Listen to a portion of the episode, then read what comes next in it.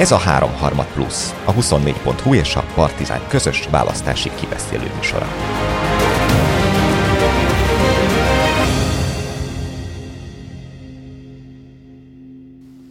Köszöntöm nézőinket, szervusztok! Ez itt a 3 harmad plusz, a 24.hu és a Partizán közös választási kibeszélő műsora. A plusz a mai adásban legalábbis a megjelentek létszámát tekintve nem fog teljesülni papszilárd korlégán betegsége miatt, de reméljük, hogy a tartalom ettől függetlenül ki fogja érdemelni majd a pozitív minősítést. A beszélgető partnereim a mai adásban Bita Dániel, a 24.hu főszerkesztő helyettese, és Nagy József, a 24.hu újságírója. Sziasztok! Sziasztok. Üdv! No, hát első témánk más is lehetne, mint a köztársasági elnök választás. Ugye nem volt nagy meglepetés, a papírforma szerint választották még Novák Katalint a következő köztársasági elnök, 137 igen, 51 nem, és 5 tartózkodás mellett. Ugye érdemes elmondani azt, hogy az ellenzék is állított köztársasági elnök jelöltet, Róna Péter személyében. Ő is elmondott egy beszédet, hogy Novák Katalin is elmondott egy beszédet. Beszéljünk kicsit ezekről a beszédekről. Ti mit hallottatok ki belőle? Elsőként akkor beszéljünk Novák Katalinról. Dani. Novák Katalin szerintem egy a saját táborához szólva, vagy azt szempontként behozva egy jó beszédet mondott, olyan dolgokat, amik uh, valószínűleg ott rezonálnak. Nekem nagyon vegyes érzéseim voltak, és részben azért, mert ahogyan kezdte, tehát a háború elítélésével az a mai, nem tudom, fideszes közbeszédben az egy, az egy pozitívum, és közben hát egyrészt van nagy hiányérzetem azzal kapcsolatban, hogy a saját leendő munkájával, jogkörével, szerepével kapcsolatban miket mondott, meg miket nem mondott el van egy olyan érzésem, hogy már ebből a beköszönő beszédből is egy nagyon nagyfokú szervilizmus, meg lojalitás áradt, ahol ugye Orbán Viktornak, Kövér Lászlónak, Gulyás Gergelynek mondott köszönetet, részben a barátságukért, ami hát szép gesztus, csak ugye itt a köztársasági elnöki pozíció, meg a... Bocs, ott azért mondott egy érdekeset, azért Marton Jánosnak és Balogh Zoltának mondott alapvetően köszönetet, mint mentorainak, akik azért mostanra már Fidesz párjaként élik az életüket. Tehát azért ebben volt és szerintem egy ilyen tudatos kiszólás, vagy esetlegesen jelzés is, nem tudom, lehet, hogy nem kell ennyit beleolvasni, de azért ez egy érdekes mondulata volt a beszédének. Hát, igen, lehet... ekkor, ekkor a bátorságot feltételezni, ez szerintem túlzás. Az egész Fidesz világot igen, akkor akarja képviselni képviselni, és van egy ilyen kicsit ilyen groteszk érzésem is, tehát hogy helyenként olyan volt ez a beszéd, mint egy ilyen, egy ilyen elfuserált, ilyen soproni reklám. Tehát amikor azt mondja, hogy nekünk a Balaton a Rivéra, a kékes a csúcs, és mi magyarok a minden receptet úgy kezdünk, hogy üvegesre pirítjuk a hagymát, tehát hogy pároljuk, hogy mit csinálunk vele. Tehát, hogy picit, picit groteszk volt nekem, de összességében egy, egy helyenként még azt is mondanám, hogy egy szimpatikus ember beszélt, amikor a ilyen családi vonatkozások, ilyesmik kerültek elő. Politikusként nem,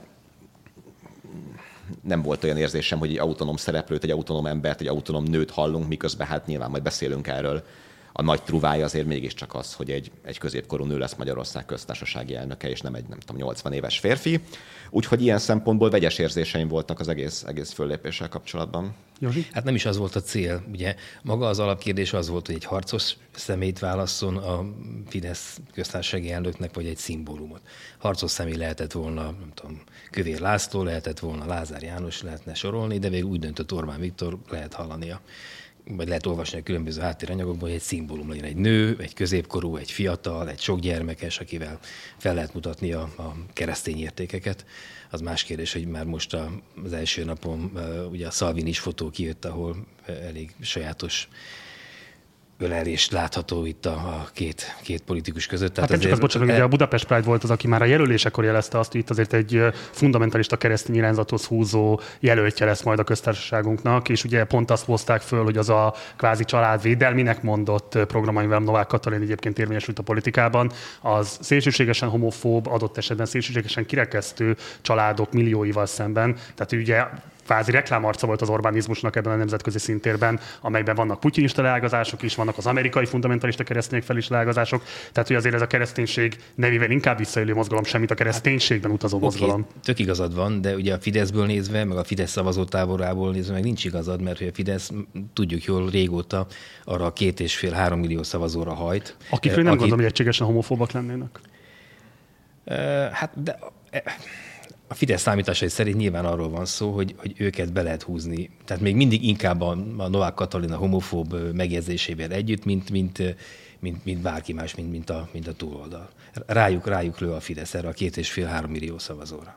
Beszéljünk egy picit erről az identitáspolitikai elemről, ami Novák Katalin kapcsán megjelent a közbeszédben, mert szerintem elég érdekes, hogy az a Fidesz, aki egyébként általában folyamatosan gyepálja az ellenzékét, meg az ellenzéki nyilvánosságot azzal, hogy milyen vókőrülettel próbálják behozni ezeket a mindenféle nyugati általuk károsnak ítélt mintákat, amivel aztán mindenféle módon át, át akarják alakítani a társadalmat. Szóval a Fidesz nagyon tudatosan játszott rá ezekre az identitáspolitikai elemekre azzal, hogy Novák Katalin személyében egy nőt, ráadásul egy fiatal nőt, a legfiatalabb eddigi köztársasági elnököt jelölte erre a pozícióra, ráadásul a további attribútumai kapcsán is utalt erre, hogy ez válik kvázi egy progresszív jelölt lenne Novák Katalin, miközben nyilvánvaló, hogyha a politikáját nézzük, tehát a tényleges tevékenységét, akkor egy rendkívüli módon retrográd jelölt, bizonyos értelemben a legretrográdabb jelölt, aki volt a harmadik magyar köztársaság eddigi történetében. Hát meg eleve a hanyatlás történetet lehet látni a, a rendszerváltás óta az államelnököknél. Tehát tényleg kom- komoly... nem, nem, egyenletesnek láttam azért, tehát hogy mégiscsak volt Schmidt Pál is a köztársasági hát elnök. Értem, de a hanyatlás történet nem azt jelenti, hogy végig így ja, nem, volt, nem, és nem, akkor nem, egy nagy, nagy zuhanás érte, hanem, hanem folyamatosan. Tehát még az első, első néhány férfiú azért mondjuk Schmidt Páli minden, de Schmidt Pálban is ugye volt, mégiscsak a Nobnak az alelnöke volt, a Momnak az elnöke volt, azért valaki volt ő a, a rendszerváltás előtt is, meg után, után is egy darabig és Áder Jánosnak is európai parlamenti képviselő, Fidesz frakcióvezető, országgyűlési komoly beosztásokban megforduló politikusról beszélünk. És, és hát a választójogi e... törvénynek a megalkotója. Oké, okay, de ugye mégiscsak voltak pozíciói. Itt, itt, meg, itt meg a Fidesz egyik alelnökéről beszélünk, aki, akinek semmiféle tudományos meg egyéb múltja nincsen, és onnan lett beemelve a politikába. Igen. Mert hogy a tetér ennek az egész. Igen, tehát nyilván egy pártpolitikus, és nekem az egész beszéddel kapcsolatban az is volt így a fő bajom, vagy nem tudom, tehát hogy ugye igen, nem harcos, nem egy ilyen Amazon típusú politikus nő, hogyha, de, de hát azért mégiscsak az volt a politikai értelemben a fő mondani valója, hogy ő meg fogja védeni ezt az alkotmányos berendezkedést, eh, hogyha kell, eh, ami hát azért egy elég erős üzenet, politikai üzenet nyilván, hogy ő ennek az alaptörvénynek az alapján eh, fog eljárni. Nyilván ez a munkaköri leírásában is ez van benne, de hogy azért az érthető volt, hogy abban az esetben ő egy aktív köztársasági elnök lesz, hogyha mondjuk az ellenzék győzne a választáson. Ha meg nem, akkor meg én azt hiszem, hogy egy, egy kollégám Cseri Péter mondta, hogy neki a Losonci Pál ugrott be, akire én nem emlékszem, de hát, hogy ő, ő volt ilyen nagy utazó köztársasági elnök a, az állampárti időkben, tehát hogy valószínűleg akkor Novák Katalin is egy ilyen, sok, Ábernél valószínűleg sokkal többet szereplő, meg ezt a reprezentatív funkciót. Meg is ígérte, hogy ott lesz mindenhol. Ott lesz mindenhol, igen, és hogy, hogy, tehát, hogy ő, ő fog politizálni a Fidesz érdekében államfőként is, ami nem egy ilyen, tehát hogy én ebben nem vagyok naív, ebben a nemzetegységét megjelenítő ez szerintem ez nagyon kevés köztársasági elnöknek sikerült, jóformán senkinek de hogy ő, ő azt hiszem, hogy ilyen értelemben törekedni sem nagyon fog rá. Az ő munkakörű leírása az rajta volt a fülbevalóján. Ugye két híres, vagy három híres fülbevalója van, egyik az OV, a másik pedig a Fideszes, abból volt talán kettő.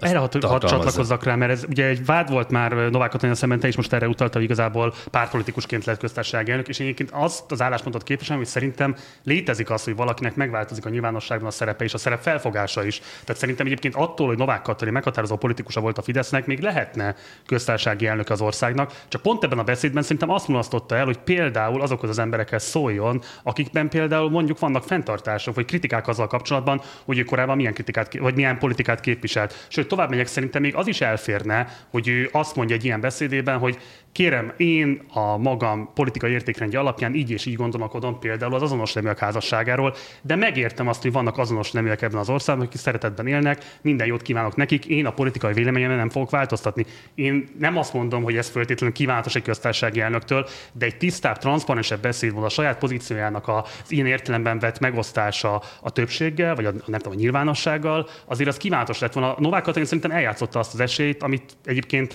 a helyzet fölkínált neki, hogy húzzon egy cezúrát, és nem megtagadva korábbi politikai értékeit, nem azt kérem tőle, hogy ő most változzon meg ilyen tekintetben, hanem hogy tegye transzparensi, hogy mostantól fogva mi az a szerepfelfogás, amit követni fog. És eljött tényleg hát egy ilyen, most én nem akarom őt különösebben bántani, de hát jobb gimnáziumokban azért az évvégi ilyen, a, nem tudom én, osztály kiválója elmondja a tanévzáró beszédet típusú lágéban mozgó beszéd volt, úgy intellektuális tartalmát tekintve, mint retorikai kidolgozottságát tekintve. Ez maga a szerep. Tehát a szerepnek megfelelt. Ezt várják el tőle. Erre választották meg őt. Tehát ő nem kihagyta az ittszert, hanem meg sem fogalmazódott benne az, hogy rá kéne szúrni 16 a hosszú felsőbe a, a lasztit, hanem, hanem Akkor ő, a Varga Juditot kellett volna. Igen, ő, ő passzolni akart. Hát igen, ha belegondolunk, tehát hogy Szóval Sólyom László, hogy köztársasági elnök lett, az Fidesz szavazataival, jobboldali emberként föl nem merült a Fideszben 2010-ben, hogy ő maradjon, hanem jött helyette Schmidt Pál, aki jól forgatta a fegyverét mindenféle értelemben, de hát azért mégiscsak, mégiscsak egy egész más intellektus volt, és a Fidesz azóta kitartóan lojális pártpolitikusokat tesz ebbe a pozícióba, még akkor is, hogyha Áder János lojalitása is szerintem kicsit más, mint Novák Kataliné. Tehát hogy az, öve, az övé Orbán Viktorral egy egyenrangú viszony volt, még ha nagyon erős kötelékekkel is. is. Igen, igen, igen. E, ugye Novák Katalinál ez, ez tehát még, még viccnek is rossz lenne, hogy ő egy ilyen értelemben Orbánnal egy súlycsoportban lévő politikus lenne. E, azzal együtt, hogy egyetértek azzal, amit mondasz, hogy szimbólumrendszerében ettől még léphetne el attól a, a világtól egy picit, azt mondani, hogy ő mostantól kezdve nem csak azt képviseli, amit eddig ehelyett elmondta, hogy az ő államtitkársága meg minisztersége alatt hány gyerek született meg, amelyeknek hát az... az Világviszonylatban is egyébként tevék, az tevékenyen azért talán ebben nem vett részt, ebben a, ebben a ö, dologban. És, és igen, tehát, hogy túl volt hangsúlyozva, szerintem Magyarország vallásosságához mérten a kereszténység. egy ilyen értelemben a saját programbeszédét mondta el, aminek én értem, hogy az intellektuális mélységét hiányolott, de hogy, hogy ez nagyjából szerintem ez ez, ez a, a Fidesz ezen mainstream politikai... A transzparenciás szerintem, vagy annak a, hogy a, a, a, a jelzését, hogyha egyébként ténylegesen nemzet egy, egy, egy egészét kívánja reprezentálni, akkor kell tudni tenni gesztusokat, amire egyébként ő valamelyest utalt is a beszédében, és ha már itt vagyunk, akkor kíváncsi lennék arra a véleményetekre, hogy bár ugye beszélt valóban a háborúról, de ki nem ejtette Oroszország nevét ebben a kontextusban a száján, Putyin nevét sem, viszont háromszor is előfordult, hogy lehet, hogy öntudatlanul, lehet, hogy ezzel üzemvet, és akkor most egy kicsit így a magyar kriminológia területére tévedünk. Szóval először is beszélt arról, hogy a saját nagyanyja állt szembe nem szovjet, hanem orosz katonával, aki fegyvert fogott rá. Nem tudom, hogy be kellett többet belelátni, vagy sem, majd mondjátok el. Ugyanígy érdekes volt, hogy azt mondta, hogy nem fogjuk engedni, hogy bárki a drágán szerzett függetlenségünkkel orosz rulettet játszon, illetve a harmadjára mondott még egy ilyet is, hogy nekünk már nem kellett megtanulni, hogy milyen orosz megszállás alatt élni. Tehát egy viszonylag rövid beszéd, ez egy 14 perces beszéd, háromszor is ott volt az orosz agresszióra, az orosz megszállásra, az orosz imperializmusra, hogyha így tetszik. Nem tudom, hogy ebbe kell bármit is belelátni, vagy ez csak inkább szófordulat, ami beépült a köznyelvbe, és ő öntudatlanul ért vele. Hát ha kell belelátni bármit is, akkor, akkor az, hogy ezt engedélyeltette. Tehát a felől nincs kétségem, hogy ezt ő magától a saját beszédíróval nem, nem alkothatta meg, hogy, hogy ilyen, ilyen kiszólásokat tegyen. Ő tényleg a, a, a Fideszes, az Orbáni rendszerváltásnak a, a terméke ő maga is, meg az, az, a, az a köztárség elnöki pozíció felfogás, amit ő képvisel. Az Orbáni rendszerváltásnak a lényeg az, hogy mindenkit el kell zavarni a túróba, aki itt volt 90 előtt, és Orbán Viktor az el, saját ellenzéket is meg akarja alkotni. Ugye pár hete hallottuk tőle az, hogy, hogy olyan ellenzéket szeretne azzal nem volna semmi baj egy olyan ellenzékkel, amelyik valóban a, a, a nemzet pártján áll, a nemzetnek az értékeit, a haza értékeit, a szuverenitás képviseli, magyarán ugyanazt, amit ő Orbán Viktor. Tehát ő arra törekszik, hogy még az ellenzéke is olyan legyen, mint ő, az ő, ő világából sarjadjon. Hát, na, náhogy a köztársasági elnök, akit ő jelölhet ki, attól pláne azt várja, hogy ebben, ebben a gondolati mezőben mozogjon, ebben a szuverenitáspárti, nyugattól kicsikét elszakadott, de azért a, azt pénzcsapokra rá Bocsáss, meg erre is volt egyébként egy érdekes mondat. Azt mondta, hogy sokan éltünk Nyugat-Európában, nem majmolni akarjuk azt a világot, de vannak ott jó dolgok, amiket elsajátíthatnánk. Szerintem egyébként az orosz invázió előtti időszakban egy ilyen mondat az már majd, hogy nem egyébként forradalmi, egy fideszes politikus szájából. Én ezt a Soproni sör reklám szintjére sorolom, tehát hogy ez a mi magyarok innen is, onnan is, de azért mi vagyunk a legnagyobb királyok hangütésbe fér bele. Az viszont elgondolkodtatott, amit mondtál, hogy, hogy ezek kiszólások, vagy mármint az orosz, orosz ügyben, mert valóban a, a múltra utalnak, és ilyen szempontból lehet, hogy, hogy a jelenlegi helyzetet lehetne még keményebben elítélni, és nem feltétlenül arra reflektálni, hogy, hogy milyen volt egyébként az orosz megszállás annak idején, vagy, vagy hogyha igen, akkor valamiféle kapcsolatot teremteni azzal kapcsolatban, hogy ezt most reális veszélynek érzi-e. És igen, az meg nyilván úgy van, hogy, hogy szóval abból a múlt héten beszéltünk erről, regiszterből nyilván ki kell jönnie a Fidesznek, hogy itt a nyugaton minden rossz, és keletről fújnak a jó szelek, és e, e tekintetben ez, ez a beszéd szerintem ezt szolgálta, de én azért összességében ott a, tehát ennek a háború ellenes vonatkozásait én, én meghalani véltem. Tényleg az, hogy ezzel kezdte, tehát nem, azt nem mondom, hogy egy Churchilli beszéd volt, vagy ilyesmi, csak hogy mégiscsak azért az első gondolat az volt, hogy itt a helyet, hogy Hát azért az a valós egy minősített eset lenne, hogyha a háborút abszolút, ki se tér egyébként a beszédében, igen. Abszolút, de hogy ott, ott én nem éreztem egyrészt másrészt dolgot, különösebben, meg Hát azért, bocs, de szerintem igen, amikor például azt mondja, hogy ugye a legelején beszélt az összefogásról a menekültek megsegítése kapcsán, és kiemelte a különböző társadalmi csoportokat, amelyek összefogtak, és ott konkrétan úgy, úgy utal ezekre a társadalmi csoportokra, mint hogyha ezeket a kormányzat szervezte volna meg, és hogy nem az lenne egyébként a valóság, hogy ezek a csoportok pont a kormányzati jelenlét hiányára adott válaszként jöttek létre. Tehát, hogy most pont voltunk Nyíregyházán, például a Balogh Zsófi kollégám csinált egy riportot Tiszabecsen, ahol konkrétan 70 menekültet egy vidék, tehát egy, egy pajta mellett tartanak és ellátnak napi szinten összefogva kalákában emberek, és egyébként ilyen csoportokról tudunk végig egyébként a határ mentén. Ebben a magyar állam semmit nem tesz ja, hozzá. De most az orosz Minim, tehát agresszió le... relativizálásának, tehát az nem volt, arról beszéltem, nem, hogy a magyar állam működőképessége milyen ilyen szempontból, tehát hogy azt mondom, hogy ott én a háborús elhatárolódását azt alapvetően rendben lévőnek éreztem a Hát, mint hogy azért egy tagja lett volna annak a kormánynak, ami igen intenzív kapcsolatokat épített Putyinnal. Ugye maga Matteo Salvinivel volt egy szintén nagyon fontos szövetségi rendszerben benne. Ez a szövetségi rendszer egyértelműen volt csatlakoztatva a Kremlhöz, tehát szerintem azért ennél élesebb mondatok is elfértek volna. Ő valószínűleg nem fog olyan helyzetbe kerülni, mint Matteo Salvini a lengyel határon a polgármesterrel, aki hirtelen előveszi a pólót és bemutatja azt, hát hogy az korábban, gyönyörű, az gyönyörű. mivel masíroztál, esetleg masírozzál már ugyanebben végig a menekültek előtt, mert... Érdekes kérdés, hogy fog-e én arra kíváncsi vagyok, hogy ez a Fidesz és jog és igazságosság viszony, meg általában a magyar-lengyel viszony hogyan fog alakulni.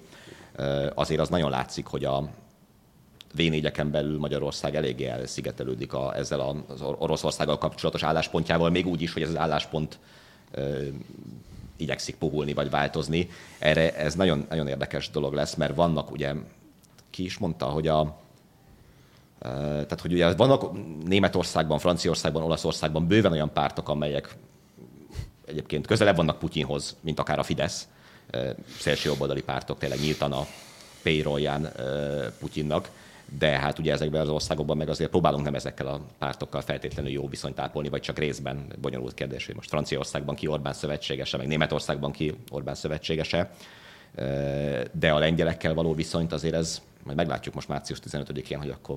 Nem jönnek. Hát igen, az a mondás, hogy nem jönnek, bár ezt a békemenetesek azt állítják, hogy jönnek. Szóval az például egy nagyon komoly törés, hogyha, hogyha itt tényleg ezrével, tízezrével szoktak lengyelek jönni, és most emiatt az ügy miatt nem lesznek, akkor azért a, a Fidesz külpolitikáját is újra kell gondolni, és a Fidesz külpolitikája az, az Magyarország külpolitikája abban az értelemben, hogy ott akkor Novák Katalinnak is lesz bőven dolga a saját szerepét, a Fidesz szerepét, Magyarország szerepét tisztázni, mert hogyha ebben a közép-európai régióban mi elveszítjük ezt a szimpátiát, lojalitást, összetartozás érzést, akkor nagyon sok barátunk nem marad azért a világban. És nem csak ugye egy kapcsolat töréséről beszéltünk, hanem egy másik kapcsolat, egy tört kapcsolatnak a, a behegesztését is kihagyta ugye az Orbán kormány. A magyar-ukrán kapcsolatról beszélek. A kinti nyelvtörvény miatt, a nyelvhasználat miatt, az iskolahasználat miatt Magyarország és Ukrajna között régóta Zelenszkijel is komoly feszültségek vannak, meg nyilván lesznek is.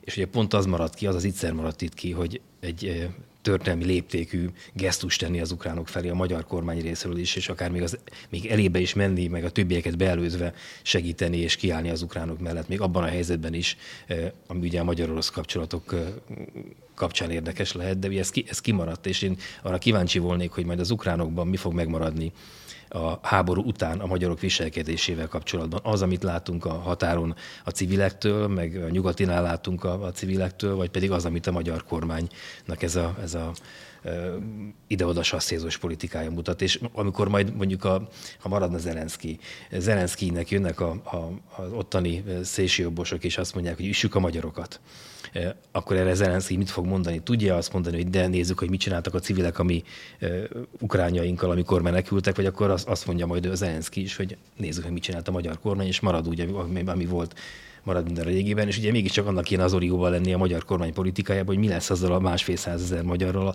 aki ott él Kárpátalján, amiből lehet, hogy csak 50 ezer marad a háború végére, mert láthatóan ők menekülnek a legnagyobb tempóban onnan a régióból. Nekem még egy gondolatom volt a Novák Katalin, aztán átértünk Róna Péterre, hogy talán egy ilyen pozitívum lehet, az, vagy ezt el tudom képzelni, hogy mondjuk nem tudom, egy, egy fiatal lány számára látni azt, hogy egyébként a legfőbb közjogi méltóság pozíciójában egy nő megjelenik, az nem tudom én így, nem, nem is felszabadítóan, de megerősítően hathat abban a tekintetben, hogy, hogy például mondjuk Magyarországon is lehetséges az, hogy, hogy nőként ideig eljuss. Az a probléma alapvetően viszont Novák Katalin politikája nem azt segítette elő, hogy minél több nő például, hogy nem tudom én, családvállalása mellett is képes legyen akár közéleti, akár szakmai karriert építeni, hogy nem tudom, olyan bölcsőde és óvoda hálózat legyen, ahova téle bárki vagyoni helyzettől függetlenül hozzáférhet, és nem tudom, a gyereknevelésben kap ilyen szempontból segítséget, hogy akkor a családtámogatási rendszerről már ne is beszéljünk. Tehát, hogy ez egy ilyen nagyon kettős dolog, mert el tudom képzelni, hogy így a látványa a dolognak lehet megerősítő valaki számára, csak közben az a helyzet, hogy politikai döntések kellenek és politikai képviselet ahhoz, hogy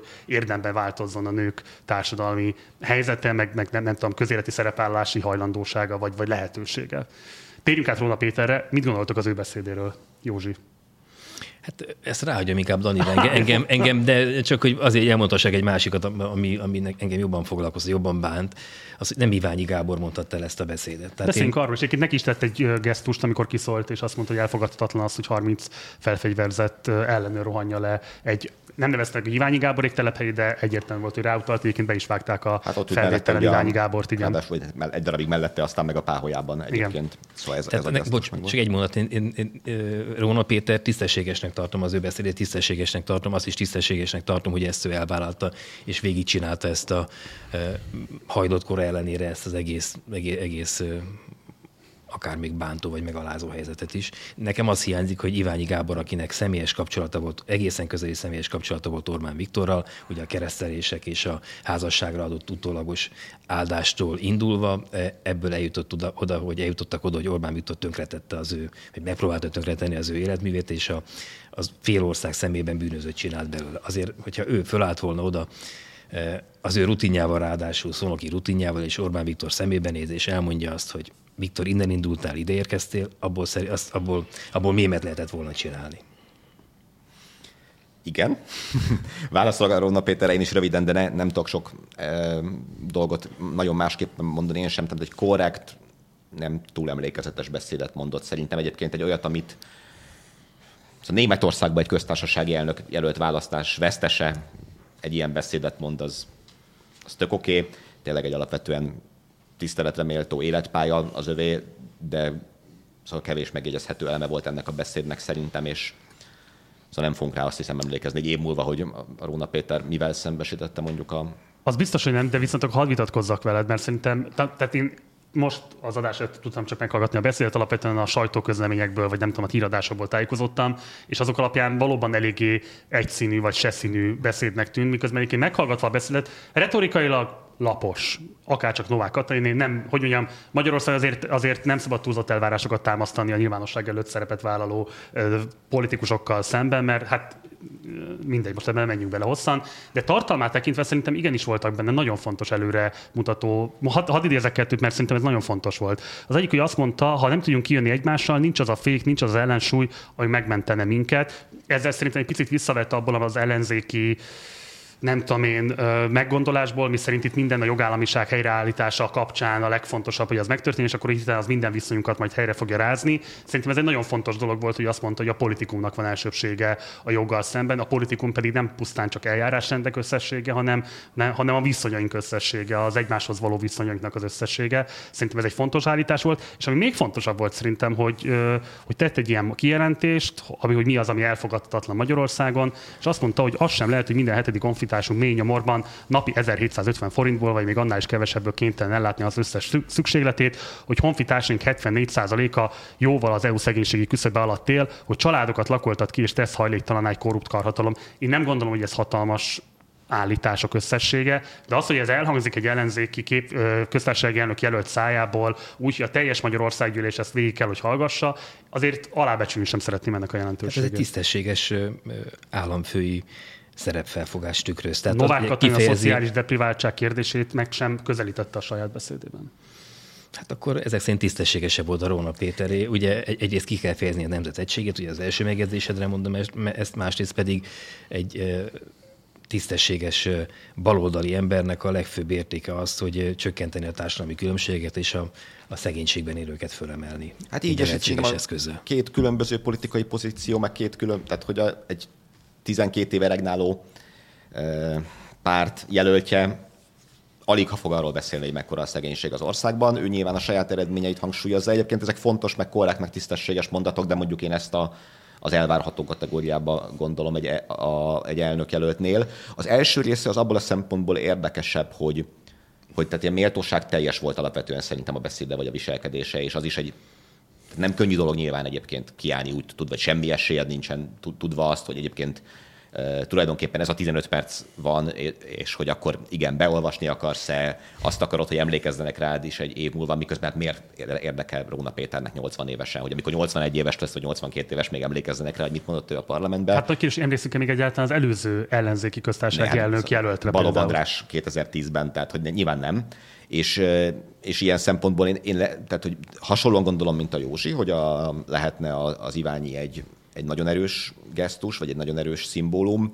Másfelől meg azt is gondolom, hogy az ország normalizálása szempontjából van szerepe annak, hogy, hogy ilyen helyzetekben valaki e, tulajdonképpen ne személyében próbálja ezt a harcot, tehát ne, ne valaki a lövész árokból mondja ezt, és mondjuk szerintem az egy érdekes dolog, vagy fontos jelzés, hogy mondjuk negyedikként, tehát ugye Orbán Kövér meg Áder után mondjuk Róna Péter gratulált Novák Katalinnak, miközben az ellenzék addigra már kivonult az ülésteremből. Hát igen, ebben az elég ellentmondásos az álláspontjuk, mert közben nincs értelme, de közben mégis állítanak de alternatívát. de nem várják Én meg. Szerintem helyes, szóval... hogy állítanak alternatívát, ha nem állítanak alternatívát, akkor miről beszélünk, akkor nincs értelme a választásoknak sem. De közben valóban nem gratulálni, hogyha egyszer elfogadtuk a processzus egészét, szóval ez valóban kevéssé méltóság teljes talán. Hát Róna Péteré volt a szimpatikus, az emberi gesztus. Tehát, hogyha az ő fében valószínűleg az volt, hogy majd 81 éves korában, meg 82 éves korában is úgy emlékezzenek rá, hogy nem állt be a lövészárokba, miközben itt vagyunk a fronton, még, még április harmadikai minimum, hanem ő előadta ezt a joviális 80 éves korrektúri embert. Szintén a Róna beszéd jobb volt, mint a, mint a róla elhozott hírek összessége. Záró kérdést is úgy tudjátok egyébként, hogy Jobbik furta meg Iványinak a jelölését? Ezt olvastuk. Hát igen. Jak- Jakab Péter furta meg konkrétan, igen. Igen, ezt lehet. Azt mondva, hogy nem alkalmas a nemzeti egység megtestesítésére. Jakab Péter szerint. Hát igen, az egész nagyon érdekes. Nem beszéltünk például arról, hogy, tehát hogy igen, szóval Iványi Gábor miket mondott a Jobbikról, de melyik Jobbikról, eh, és hogy mondjuk a Jobbik mennyire tisztázta a saját múltját, az ellenzék mennyire tisztázta az ehhez való viszonyát, zárójel arról se beszéltünk, pedig az is érdekes dolog, ugye, hogy Novák Katalint a 133 Fideszes mellett még négyen megszavazták köztük a Jobbik előző elnöke. Jak- Tamás? Jakab Péter előtti elnöke. Bazon, pontosan. Azért, aki, aki Szóval élesen egyrészt nem zárkodott el az ellenzéki együttműködéstől, másrészt ugye skinhead múltja van, tehát hogy azért összességében ott is szóval sok, sok minden tisztázni való lenne még azt hiszem a meg ha már neveket említettünk a megszavazók közül, Völner, Simonka boldog, tehát az, ezt még sokáig be fogják dörgölni Novák Katalin óra alá, hogy, hogy ha, már, ha már lesznek ítéletek, hogy Hát igen, bár Kik, nem, tudom, a... nem néztem meg a szavazás jegyzőkönyveket, meg ugye titkos is a szavazás, tehát hogy csak matek, matekból lehetnek ki számolni, de mondjuk Tóth Csaba vajon szavazott. Tehát, hogy, szóval, hogy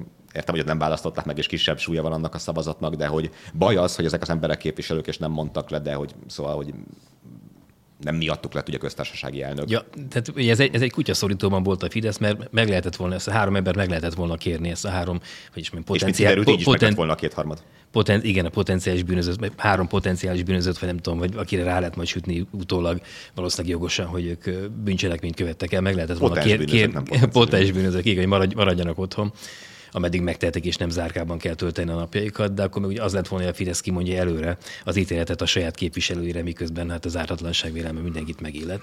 De hát Novák Katalin meg fogja kapni ezt még elég sokszor, hogy bűnözőknek a voksával került oda, hova került. De kapja meg azt is tőlünk, hogy hát akkor tudomásul vettük a megválasztásnak a tényét, és reméljük, hogy alkalmas lesz a feladat letöltésére, és megérzi ennek a súlyát, és ennek megfelelően fogja gyakorolni a rábízott közhatalmat, mert ez mindannyiunk közös érdeke. Menjünk át a háború gazdasági hatásaira, a belföldi gazdasági hatásaira. Ugye a hét elején részben ugye az ukrán-orosz háború, részben egyébként a kormányzati kiköltekezés nyomán a 400 forintos lélektani határt is átlépte egy rövid időre a forint az euróval szemben. Jelenleg 381 forintért lehet vásárolni egy eurót, és akkor kijött a legfrissebb KSH jelentés is, ami ami 15 éve nem látott inflációt jelzett, átlagban 8,3%-kal emelkedtek az árak, de azon belül is kiemelkedően 11,3%-kal nőtt az élelmiszereké. Szintén fontos hír az elmúlt napokból, hogy egyre máshol lehetett egyre több helyen tapasztalni azt, hogy ellátási problémák vannak a benzinkutakon, tehát a lakossági benzinvételezés, vagy üzemanyag vételezés az igen komoly kihívásokkal küzdik, nem csak Budapesten, hanem az ország számos pontján. Ugye erre vonatkozóan tegnap este volt egy rendkívüli sajtótájékoztatója Gulyás Gergelynek, amelyen Hernádi Zsolt MOL vezérigazgatóval közösen álltak ki a nyilvánosság elé. Itt egy elhíresült performanszot nyújtott Hernádi Zsolt, amikor bemutatott olyan fotókat, bizonyítandó azt, hogy itt nagyon komoly üzemanyag turizmus rabolja le a magyarok üzemanyag készletét, amely fotóról kiderült azóta egyébként, hogy nem Magyarországon készült, nem 2022-ben készült, és így tovább. Azóta egyébként a MOL kommunikációs osztály bocsánatot kért a tévedésért. Hát, hogy mondjam, korábban is voltak egyébként megalapozott kritikák azzal kapcsolatban, hogy azért itt az üzemanyag turizmusra fogni az ellátási problémákat azért az egy erősen túlzó állítás. Aki héten jelent meg ezzel kapcsolatban fontos cikk, amit érdemes esetleg elolvasni, akit érdekel a téma. Szóval, hogy ti hogy látjátok most, ez a azt nem mondanám, hogy kataklizma együttes, de legalábbis konfliktus együttes, ami most a magyar gazdaságot dominálja, befolyásolhatja, és igen, milyen formában a választások kimenetelét. Dani. Ami itt az üzemanyaggal kapcsolatban megy, arra még azt is gondolom, hogy lassan igen. Miközben nagyon szkeptikus vagyok azzal kapcsolatban, hogy, hogy mennyire ez lesz most a döntő, az árfolyamok, meg ilyesmi, de hogy e, ez egészen, tehát ez, ez 30 éve nem látott jelenetek, hogy konkrétan az ember nem tud tankolni egymás után nem tudom, három benzinkúton, és akkor fontos mondani, ez nem azt jelenti, hogy nem tud tankolni, mielőtt újra mindenki oda és végül mégse Hernádi Zsoltot fogják a rémhír terjesztésére elvinni, hanem engem. Érdekel.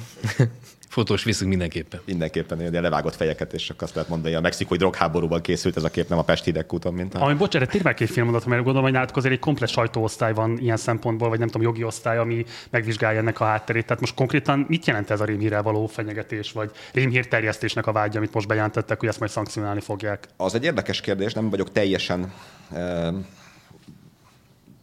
biztos benne, hogy jól el tudom mondani, de sokat vitatkoztunk már a, már a Covid idején is ugye amikor ott a rémhírterjesztési szabályokat meghozták, hogy ezeket ránk nézve lehet-e alkalmazni, mert hogy ugye van egy ilyen passzus ebben a szabályozásban, hogy aki veszélyhelyzet, veszély helyszínén követi ezt el, és ugye azért Magyarország egészét alig ha lehet annak minősíteni, és itt a, a szűken vett büntetőjogi értelmezés az ugye az, hogyha nem tudom, valaki egy tűzvész közelébe azt kiabálja, hogy nem tudom, erre gyertek, miközben az akkor nem tudom, tud valami ilyesmit követni, de hogy önmagában én azt mondom, hogy ellátási nehézségek vannak az üzemanyag vételezésnél, azért az nem tűnik egy ilyen számomra egy, egy büntetőjogi kategóriának, és remélem, hogy nem az én túlzott jogi optimizmusom ez, hanem ez a, ez a, ez a józanész.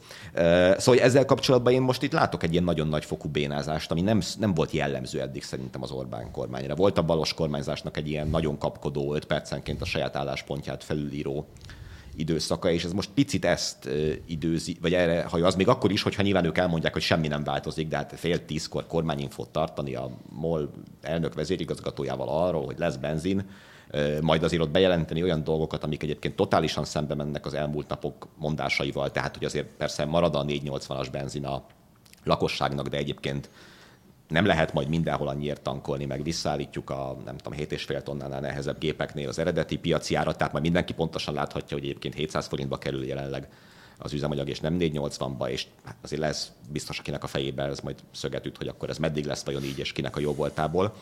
Ehm, ez az egyik dolog. A másik meg az, hogy, hogy tehát ugye bejelentettek ott egy négy napos kamionstoppot, ami már most csak két napig tart. Szóval, hogy, hogy 12 óráig nem tud hatályos lenni egy döntésük, az, az olyan fokú, ezek legalább kormányozni tudnak, ugye ezt szokott elhangzani, szóval e, ennek olyan szintű árnyalása, ami szerintem, szerintem azért mérhető károkat okoz.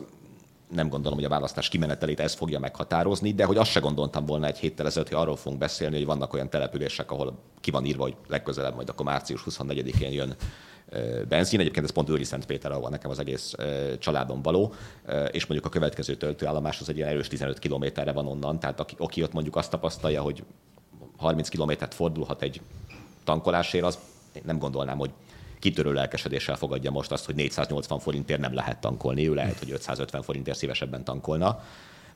Meg, meg az egész ilyen kicsit ilyen pánik hangulat, vagy ilyesmi, ez nem, Hát az, hogy Hernádi Zsolt elmegy az ATV-be, aztán meg másnap egy kormányinfo, egy extra kormányinfo megjelenik este fél tízkor, és arról beszél, hogy nincs pánik, nincsen pánik. Tehát ha valami igazán alkalmas a pánik keltésére, azt szerintem ez. Hát én biztos vagyok benne, hogy tömegek rohamozták meg a benzinkutakat, amikor a fél tízes kormányinfónak a híre egyáltalán megjelent. De ez egy, ez egy tényleg egy, egy életveszélyes kommunikációs helyzet. Ugye van egy ország, aminek a, a, egy működőképes rendszer, mondjuk az üzemanyag ellátásban is, lehet nagyjából tudni, hogy maximum mennyit fogyaszt el a magyar lakos lakosság. És erre bejön ez az őrületes olajár, ez őrületes benzinár, amire a magyar kormány úgy reagál, hogy leszorítja, stopot, stopot állít a, a, az ár elé, és ez megnöveli nyilván a fogyasztást. Egyrészt mert bespájzolnak az emberek, hogy most még 480 lehet tankolni, másrészt pedig a határon túlról átjárnak azért, hogyha csak 5%-kal vagy 10%-kal lövik följebb a, a, a, a, a túlhasználat ekkora lesz, az már ugye fölötte van a rendszernek, és a rendszernek meg úgy rakták össze a molnál nyilvánvalóan,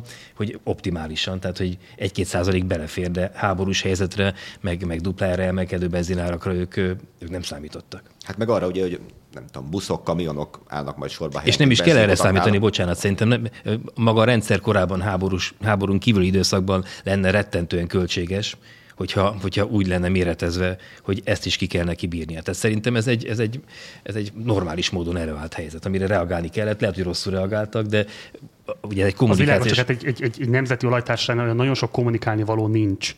Tehát nem tudom, el kell mondani, most már lehet kapni a shopban vega szendvicset is, és akkor erre kell egy kampánytervezés elkölteni több 10 millió forintot. Tehát, hogy van egy válsághelyzet, és azt lehet látni, hogy egy, a kommunikáció egésze alkalmatlan arra, hogy megnyugtassa a kedélyeket, kettő, a Hernádi Zsolt konkrétan olyan fotókkal promotálja azt, hogy itt milyen benzin tolvajlás, vagy, vagy, vagy, vagy indokolatlan vételezés zajlik, zárójelbe úgy, hogy ugye nem hagyhatja el az országot, hiszen nemzetközi körözés alatt áll, zárójelbe zárva. Hát nem ők fényképezte ezt Mexikóba, az biztos. És igen, igen, nem ő fotózta ezt Mexikóban. Lehet, hogy a Sadultól kapta az acskót, és ezt töltötték meg most. Igen. Ugye egyszerűen használta a Völner a, a Szóval csak a, a csomagtartóba. A Solar Okos, amit a MOL vezér, nem, tehát egy MOL, nem tudom, kommunikációs vezetőnek, olyan nagyon sok dolga nem lenne, ilyenkor kéne nagyon pontos és egyébként átgondolt, racionális kommunikációs stratégia mentén megvalósítani azt, hogy az elnököt milyen helyzetbe viszi bele, és nagyon látványosan felsültek. Egy oknyomozó riportot megérne az, hogy ez a kép honnan a túróból került elő, és hogyan, hogyan került a Hernádi kezébe. Hát igen. Zárójel egyébként az is nagyon nehéz szerintem, a, tehát, hogy a MOL totálisan a saját érdekeivel, üzleti, gazdasági érdekeivel ellentétes pozícióban van belekényszerítve jelenleg, és nemzeti olajtársaság, meg ilyesmi, de hát azért vannak neki részvényesei, neki is lesz évvégén eredménye, tehát hogy, hogy kicsit el van ez most játszva, hogy akkor ők itt helytállnak mindenképpen a vártán egy ilyen helyzetben, miközben mondjuk a Shell ugye már nem engedi a 25 ezer forintnál nagyobb tankolást, közben a MOL azt mondja, hogy minden a legnagyobb rendben van. Tehát, hogy azt egyébként meddig akarjuk az ország stratégiai vállalatával eljátszani, hogy ő akkor állja majd a veszteséget. Oké, tegnap csökkentették megint még egy körben, most már másodszor a jövedéki adót, amiről korábban elmondták, hogy nem csökkenthető, de hogy azért végső soron az se érdeke az országnak, hogy a MOL tönkre tegye, eh, és Hát majd más csatornán megkapja, ugye szilveszter napján, vagy december 30-án volt az MVM-ben 2208 milliárd forintos tőkeemelés, ugye a gázár gázástok miatt is, ugye a rezsicsökkentés valamilyen módon kompenzálni, ez minden magyar állampolgára 20 ezer forint, egy öttagú családban 100 ezer forint plusz gázszámlát fizettünk be, úgyhogy nem vettük észre. Tehát ez a rezsicsökkentésnek az ára egyrészt, hogy az MVM-ben kell időnként a gáz miatt alaptőkét vagy alaptőkét emelni, és a, a, a MOLT meg, meg ki kell valahogy segíteni, nem tudom, a háború, hogyha lecseng, akkor kapnak majd pár milliárdot zsebbe, és akkor ha már megidézted a Pető Péterrel való vitát egy korábbi adásotokból, akkor idézzük meg magát Pető Pétert is egy pillanatra. Ugye 11,3%-kal nőtt az élelmiszerek ára mivel magyarázátok azt, hogy még ebben a pillanatban sem látjuk azt, hogy ellenzéki politikusok tömegei szombaton, vasárnap a piacon onnan Facebook live hogy tessék látni, itt ez a paradicsom mellettem, most már ennyibe kerül, pedig egyébként egy évvel ezelőtt még ennyibe került csak. Csókolom, kormányváltás. Nyilván azért, mert hogy ben vannak a Lidl-ben, meg az Aldiban is a 19,8%-kal nőtt étolajnak a, a Facebook élőjét készítik elő, vicceltem, tréfa volt. Tehát, hogy azért, mert, hogy, mert béráznak. Nyilván ezt kéne csinálni. Ugye ez, ami az embereket érdekli, az, hogy Mészáros Lőrinc most már 503 milliárdnál, vagy 508 milliárdnál tart, az tök mindegy a mezei választó számára, de az, hogy mennyibe kerül a krumpli, mennyibe kerül az étolaj, az nagyon nem mindegy. Igen, bár én azt gondolom, hogy szóval meg kell találni ebben a azt, hogy hogyan kell ügyesen csinálni ezt. Szóval én nekem az nem tartozik a kedvenc műfajom közé, amikor Szabó Tímea egy ilyen teljes paprikás krumpli alapanyag készletét ott a parlamentben fölhalmozza, és akkor azt mondja, hogy egy pedagógus csak ennyit engedhet meg magának, de ez lehet, hogy ízlés dolga, vagy ilyesmi, mert Szóval ebben a látványpolitizálás szerintem nem mindig elegáns, nem mindig, lehet, hogy hatásos, de nem mindig, nem mindig szerencsés, vagy nem tudom, én, én általában nem szoktam szeretni, de az viszont nagyon fontos, amit mondasz, vagy nagyon számomra is érthetetlen, hogy, hogy ilyen tényleg 15 éve, bő 15 éve nem látott inflációs helyzetben ez nem központi témája ennek a kampánynak, Hát, hogy nagyon magas labdákat dob nem a tudom megnevezni, mi a meg úgy általában a persze, de- világgazdasági összefüggések, és az látszik, hogy az ellenzék nem nagyon tudja ezeket érdemben tematizálni. Nem tudom, hogy ti találkoztatok olyan kommunikációs, nem tudom, megnyilvánulással, ami ezt száfolná. Nem is a következő téma, hogy az ellenzéki program lesz, tehát nyilván egy kicsit át is vezet oda ennyiben, de hogy én nekem az a fő érzetem az egész ellenzéki kampányjal kapcsolatban, hogy nincs meg az, hogy ők miről akarnak beszélni, mert az fontos, Hát nagyon hogy... sok minden van, amiről akarnak beszélni. Hát igen, Ami részben és, érthető. és ez akkor ugyanazt jelenti, azt hiszem, Igen. mint amit én mondtam, hogy én, én magam sem tudnám összefoglalni, hogy akkor pontosan mi, és hogy itt ez korábban ez a tudás megvolt, tehát szerintem erre lehet, hogy már beszélgettünk ennek a, ebben a műsorban, hogy a, a 2002-es MSP kampányra szerintem kb. a mai napig mindenki emlékszik, hogy őt ott akkor arról beszéltek, hogy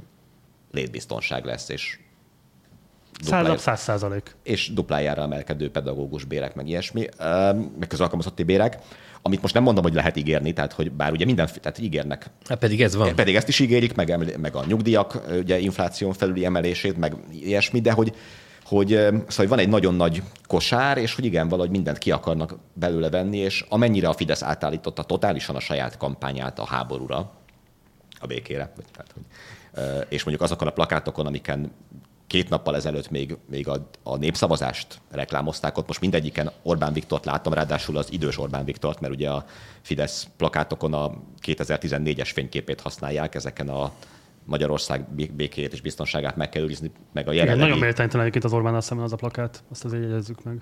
A mostani? Nagyon. Hát a háborúban megőszült vezér látszik rajta. Hát de Szóval- bocs, szóval azért egy idősödő férfit is lehet úgy fotózni, hogy az ne legyen ennyire előnytelen, mint amit őről kiraktak most tényleg Na de hogy ez nem- mindenhol az Van, országban. vannak, vannak előzmények, ugye em- emlékszünk a soros fotókra, a Juncker fotókra.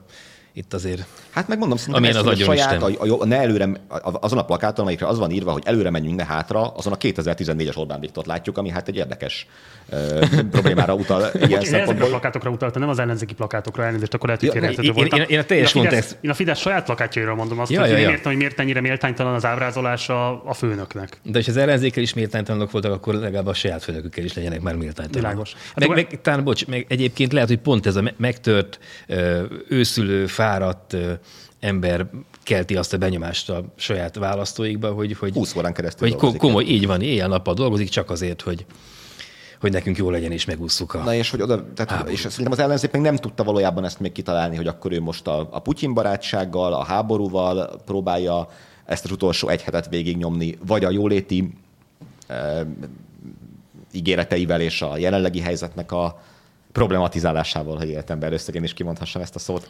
Mint a partizánban minden nap kimondanak. Igen, igen, nem, nem, nem, nem volt még. E, Te hogy, úszod meg ezt az adást, Józsi, nehogy azt hidd. Gondoltam. de hogy, hogy, hogy, nehéz szerintem, és persze most nem akarok én úgy tenni, most én tudnám, hogy melyiket kell, meg nyilván mindegyiket kell, meg ilyesmi, de hogy, hogy ehhez képest olyan nagyon tanácstalannak látszik ez az egész, és, és hogyha nem tudsz ezek közül választani, nem akarok teljesen elszpoilerezni, de nekünk van ezt egy kutatásunk a, a 24-en a, az AVEC research és, és nem is fogom elszpoilerezni, hanem majd megbeszéljük majd, amikor már kijött, de hogyha megnézzük, hogy Jövő miben- héten várható? Hát, vagy a jövő héten, vagy a rákövetkező héten elején már, hogy, hogy miben erős mondjuk Márkizaj Péter Orbán Viktorral szemben milyen ö, tulajdonságokban, ennyit elszpoilerezek belőle, hogy mondjuk őt kevésbé látják kórupnak, mint Orbán Viktort az emberek, ami hát magától értetődőnek tűnik, de az összes többi eredményt látva nem lesz annyira magától értetődő. Erről sincsen szó, szerintem érdemben a kampányban, tehát eltűnt ez a szál. De hát hogy- a plakátjaik alapvetően erről szólnak, hogy ő nem lop, meg nem tudom, volt valami más is, hogy Hát igen, ez egy azok közül, hogy visszaállítjuk az egészségügyi minisztériumot. Meg Igen, igen, igen. Szóval, hogy nincs meg talán ez a fókusza, miközben igen, az infláció egyértelműen egy olyan téma, amit szerintem most már sokan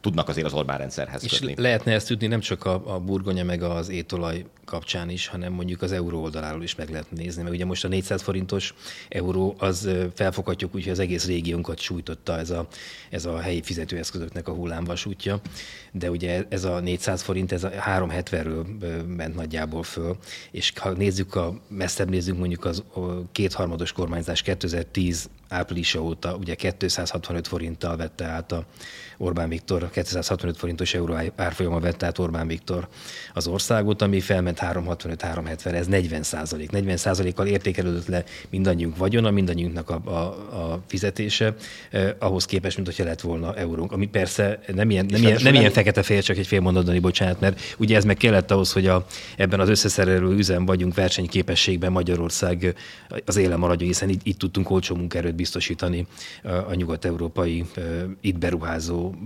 multiknak, de hát ugye azt is láthatjuk, hogy a serpenyő mind a két oldalában van van valami, és ezzel is lehetne netán kommunikálni, és nem csak azzal, hogy étolaj plusz 19,8 százalék. Ez tök fontos, én meg csak azt akartam mondani, és nem így gyengült, vagy nem így ment fel az árfolyam, hanem ugye ez 2,65, azt mondtad, annyiról 2,65, ugye 2,65 három, három perc alatt lett 330, ugye Kósa Lajos három mondata kellett hozzá, meg egy kis államcsődről Meg beszélés. aztán Varga Mihálynak a mondata, akkor is volt egy ilyen benne. A 330-as szinten nagyon sokáig maradt, azt mindenki be is áraszt, szerintem nekem, az, nekem a fejembe ez maradt meg, hogy 330-al kell szorozni, és ebből a 330-ból lett ott egy ilyen egy körülbelül fél év alatt egy ilyen 350-es szint, vagy 360-as szint, amit úgy benyeltünk, hogy akkor szar lesz nyaralásnál, Na, de hát ott pillanatok alatt elszaladt 400-ig, kicsit visszaerősödött, de hogy ez két hullámba történt, és ilyenkor azért ez nagyon fájdalmas tud lenni, valóban nem. Hát egyrészt fájdalmas, másrészt meg ugye legalábbis a, szerdai állapot mindenképpen az volt, még arról biztosan tudom állítani, hogy régiós összehasonlításban egyébként a magyar fizetőeszköz szenvedte meg leginkább egyébként ezt az egész helyzetet. Polgács Zoltán pont az egyik műsorunkban amellett érvelt, hogy amúgy, ha a magyar gazdaság teljesítőképessége realizálható lenne olyan formában, amilyen formában egyébként kellene, hogy realizálható legyen, akkor egyébként ilyen 345-350-es euró lenne az indokolt. Minden, ami a fölött van, az alapvetően már ilyen gazdaságpolitikai tévedések vagy, vagy, vagy, vagy tévesztések miatt áll elő. De akkor térjünk is rá az ellenzéki kormányprogram meghirdetésére, hiszen már részben egyébként bele is mentetek. Ugye hosszú várakozás után végre megismerette a nyilvánosság az Egységben Magyarországért programját, amelyet Márkizai Péter miniszterelnök jelölt mutatott be. Ez egy 72 oldalas anyag, ami leginkább a főbb irányelveket tartalmazza. Elsőjén az új alkotmány kérdése szerepel, jelentős béremeléseket vezetni az oktatásban és az egészségügyben, maximalizálnak az egyes gyógyszerek árát, a szociálpolitikában az igazságosság elvét érvényesítenik, hosszú távon pedig egy más típusú nyugdíjrendszer kidolgozását ígérik, megdupláznák a családi pótlékot, és állami bérlakásépítési programba kezdenének. Öt éven belül eurót ígérnének, és felülvizsgálnák Paks 2 beruházását, illetve 2050-re klímasemlegessé tennék hazánkat. És hogy ez pontosan mit jelent, de a lényeg, hogy visszaállítanak Magyarország nyugati orientációját. Az a kérdésem hozzátok, hogy ebben tényleg van minden, mint a bucsuban. Miért van akkor mégis az az érzése az embernek, hogy ez valamiért nem elégséges, vagy nem elég pontos? Hát nekem leginkább az fáj, de hát ez, ezzel nem is, lehet, nem is lehet egy ilyen program bemutatón foglalkozni, hogy miből lesz erre pénz. Bárki fog kormányra kerülni április után, egy egészen elképesztő gazdasági ritkán látott hát, az, az nem elvárható azzal a kampánynak, hogy szavazzanak ránk, és semmit nem tudunk, mert a gazdaság romokban áll, de legalább megszorítani azt ígérjük, hogy drákói szigorral fogunk. Ja, értem, tehát én, én nem is számon kérem, én csak azt mondom, hogy ebben az egészben, ami mögötte van, nekem e, e, nem a program bemutatás szintjén hanem e, maradt ki számomra, hanem hogy ezzel ez, engem ezt, ezt foglalkoztat, hogy ugye ott, amikor az állam háztartási hiány tavaly tavaly előtt rekordot döntött, a, amikor a, az államadóság szintén csúcsra jár, amikor az infláció túlpörgött azon a szinten, ahonnan már rettentő nehéz visszahozni. A közgazdászok azt mondják, hogy több évbe kerül, mire, mire ebből le lehet jönni. Ott, amikor ezer milliárdok lettek kiszórva, e, részben jogosan, részben kevésbé jogosan, akkor jön az ellenzék azzal, hogy még adnék ide 1200 milliárdot, oda még betennék 600 milliárdot. Azt nem látom, hogy ezt hogy lehet majd megúszni. Ugye Megyesi, egy ennél jobb helyzetben átvett gazdaság, Megyesi Péter 2002, egy ebbe, ennél jobb helyzetben átvett gazdaság got is le tudott úgy ültetni, hogy megvalósította az ő ígéretének legalább egy részét. Ezt vitatják sokan egyébként, hogy a jóléti intézkedések ültették el a gazdaságot, vagy inkább egyébként a PPP konstrukciójú autópálya építések és így tovább. Ebben van vita. Na de hogyha most tényleg a, a tavalyi, meg a tavaly előtti költségvetési mínusz volt 5000 milliárd forint, mind a két évben egyenként, most ehhez még ráígérünk még 1200, meg 500, meg 600 milliárdokat, akkor nem látom, hogy hogy lehetne megúszni a, az összeomlás. És nyilván aki, aki kormányra fog kerülni, annak meg kell valahogy fogni Orbán Viktornak is a, a rezsicsökkentés, pláne, ha maradnak ezek a gázárak, és neki is el kell majd engedni azt, hogy 480 forintért tankolhassunk, mert egész egyszerűen nem lesz rá forrás nagyon ilyen 2006-os érzésem van abban az, abban az értelemben, hogy a kormány láthatóan mindent alárendel most annak, hogy ez a választási győzelem ez meglegyen. Valószínűleg nem számoltak háborúval, és emiatt aztán végképp ugye nagyon durva kiköltekezés, sokszor beszéltünk róla, SZIA mentesség fiataloknak, családoknak vissza, 13. havi nyugdíj, mindenféle árstoppok, ilyesmi. És nyilván akkor igen, az ellenzék nem fogja azt mondani, hogy mindez fenntarthatatlan, viszont nem akarja elengedni a saját, nem tudom, januárban kitalált uh, ígéreteit, és nekem ez is kicsit a, a, az egésszel kapcsolatban egy a hiányérzetem, hogy ez egy januárban megírt program szerintem körülbelül, ami úgy maradt. És, és, és a jelenlegi helyzethez kevésé sikerült uh, igazítani, miközben nyilván az egy fontos dolog, hogy az ellenzéknek legyen, nem tudom, öt éves célja, meg legyen, legyenek ilyen részletességű szakpolitikai ígéretei is, de, de az úgy, az úgy lehet, hogy nem az igazi, hogyha közben ennyit változik a világ, viszont senki nem beszél valóban arról, hogy mi lesz április harmadika után, és azért erre a Gyurcsány kormány 2006-ban nagyon, nagyon ráfaragott, és, és nagyon kíváncsi leszek arra az, arra az helyzetre is, hogyha a Fidesz marad egyébként, hogy akkor ezek az intézkedések hogyan lesznek kivezetve, hogy ezt a politika politikában gyakran használt kifejezést használja, mert hogy nyilvánvalóan fenntarthatatlanok, de szerintem ha valamit a Fidesz nyilván megtanult 2006-ból az az, hogy nem lehet ezt visszacsinálni majd áprilisban, meg májusban, mint amikor a Gyurcsányot visszaemelte az áfát, meg, meg ilyesmi, meg, tehát hogy, hogy akkor viszont azért az, hogy nagyon nehéz lesz ezt, ezt fenntarthatóan hosszú hát igen, az üzemanyagár drasztikus emelése miatt itt már mozdultak meg nagyon sokan. Igen, szóval akkor tényleg, akkor tényleg blokkád lesz. 12 forintról volt szó, igen, igen, 12 igen. forintos emelésről. Ugye úgy tettem fel a kérdést, hogy miért van mégis hiányérzetünk, és én szeretnék felvetni egy kérdést, és nagyon kíváncsi vagyok a véleményetekre, mert ez egy picit ilyen önkritikus dolog lesz, hogy ugye van-e igazából jelentőség a kormányprogramnak? Szerintem lássuk be, hogy igazából 2010 óta ennek különösebben nincsen jelentőség. És nem azért nincsen jelentőség, mert lenne fontos az, hogy lássuk, hogy milyen szakpolitikai eh, javaslatra adjuk a voksunkat, hanem egész egyszerűen azért, mert látható, hogy nincsen semmifajta számok érhetősége ilyen szempontból annak, hogy ki milyen ígérettel vág neki a kampánynak. Van valami fajta ideológiai keret, de itt az az alapvető probléma, hogy gazdaságpolitikai alapvetéseit tekintve nem nagyon lehet látni, mi lenne igazából a különbség. Ugye nyilvánvalóan a korrupció felszámolása kapcsán éles ígéreteket tesz az ellenzék, de például nem lehet tudni, hogy például lenne magasabb az SZIA-nak a legfelső kulcsa. Lenne egyáltalán legfelső kulcs, vagy a mostani egy kulcs alá lettenének még egy, vagy két, vagy három kulcsot. Lehet tudni, hogy oké, megdupláznák a családi pótlékot, de úgy, hogyha nem vezetett ki a csokot, továbbra is egyébként visszaosztani alulra, és azt mondani, hogy majd persze egyszerre fogjuk fizetni a felső középosztálynak a házépítését, de közben nyilvánvalóan fogjuk a nem tudom én, energiaszegénységet is szubvencionálni, és nem tudom, nagyon komolyan támogatni. Tehát, hogy, hogy nem látszik, hogy különösebben éles lenne az ajánlat, és nyilvánvalóan érzetek fognak dönteni dönteni, nem pedig szakpolitikai elképzelések. Tehát érzetek, hogy valakinek Orbán Viktor mostanra már egy elfogadható, vagy mindig is elfogadható és fontos, nem tudom én, vezetője volt az országnak, és azt gondolják, az ő kezében van jó helyen a kormány, vagy azt gondolják, hogy elég volt most már ebből, és van ez a Márkizai Péter olyan, amilyen, de legalább nem Orbán Viktor jöjjön, akkor ő. Tehát, hogy valójában egy ilyen kérdés együttese fognak választani az emberek, és nem szakpolitikai alternatívák közül fogják majd kiválasztani, hogy miék a számukra kívánatosabb, és az az önkritikai kérdésem felétek, hogy nincs-e felelősség egyébként a magyar sajtónak egy kicsit abban, hogy folyamatosan belehajszolja ezekbe a szakpolitikai elvárásokba és kormányprogram elvárásokba a politikusokat, miközben látható, hogy egyébként a politika alkotás szempontjából relevanciája az ígéreteknek nincs, és más típusú elvárásoknak viszont meg van. És ezekről a más típusú elvárásokról pedig keveset szokott beszélni a kormánytól független nyilvánosság. Minden fajtája távol állt tőlem az önkritikának. Uh-huh. A, igen, de tapasztaljuk. De egyébként ez esetben abban az értelemben tényleg, hogy én már nagyon régóta nem, nem gondolom azt, hogy ez bennem lenne ilyen programfétés, vagy nem tudom. Tehát lehet, hogy nyilván a nyilvánosságban van, meg az értelmiségi közönségben van. Én pont a megjegyezhetőségét hiányolom, és mondok egy példát, hogy mire gondolok. Nem mer szerintem az ellenzék priorizálni, végül is te is ezt mondtad. Tehát hogy a Fidesznek szerintem elég világos a, jövedelem politikája, a család politikája. Nem kell ezt nyilván szeretni, de úgy azért föl tudod sorolni, hogy körülbelül kiket kedvezményez ez a rendszer. Az más kérdés, hogy most a választási kampányban ezt úgy alakították át, hogy nagyjából kb. most már mindenkit, most már az egy gyerek is gyerek, sőt, most már, már, már egy gyerektelen is néha hogyha kellően fiatal vagy kellően öreg, akkor kaphat pénzt. Ez korábban nyilván nem így volt, és csak a két-három gyerek, meg a normális család volt család. A 25 év alatti, aki SZIA mentességre utaz, és én várom a mai napig azt a 25 éven alattit, aki bejelentett munkaviszonyban van foglalkoztatva, és igénybe tudta ezt venni, zárójel bezárva. Igen, és hogy ehhez képest... Ha kolléga jelentkezik, akkor végre egyet találkoztam.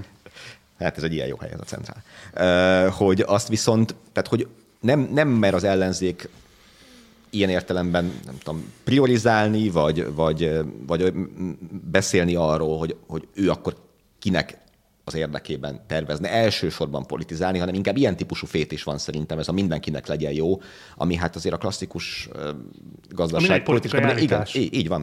Az így egy van, marketing állítás. így van. És ugye az utolsó állítás az, az ilyen szempontból Botka Lászlóéké volt a fizessenek a gazdagokkal, ami nem volt nekem a, tehát hogy, hogy kellően az én ízlésemhez körülhatárolt, mert azért az nem mindegy, hogy a Mészáros Lőrinc fizessene, vagy mi fizessünk, tehát hogy hol, hol van meghúzva a gazdagság. Dániel, én nem ismerem a pontos jövedelmi helyzetedet, és elhiszem, hogy a Centrál egy nagyon jó foglalkoztató, Mindenki de azért az, hogy te gazdagnak minősülnél a magyar, nem tudom, jövedelmi eloszlások tekintetében felteszem, hát hogy az, nem. Az, az, fontos kérdés szerintem, hogy mit tekintünk, mondom, ilyen szempontból gazdagnak. Odáig nem jutott el a botkának a kampánya, hogy ezt tisztázza, hogy egyébként. De azért a... voltak állítások a tőkejövedelmek megadóztatására, és így tovább, osztalékadó emelésre, és így tovább. Tehát Ezek szerintem... kétségtelenül nem az én kategóriámban vannak, de hogy nekem az se, azzal sem lenne nagy bajom egyébként, hogyha egy baloldali program arról szólna, hogy a felső 20% rovására politizál a 80% mellett, és a 20%-ban már a... Na jó, csak bocs, pont a podcast mondod, amikor a podcast ezt meglépte, akkor olyan visszatámadást kapott egyébként a magyar nyilvánosságtól, olyan megszigyenítés együttes zuldult rájuk, mint hogyha legalábbis azt mondták volna, hogy most indítjuk a munkatáborok újranyitási programot, szavazatok Botkalászlóra. Tehát, hogy Botkalászló egy erőteljes újraelosztási ígéret miatt konkrétan egyébként elvesztette a miniszterelnök jelöltségét.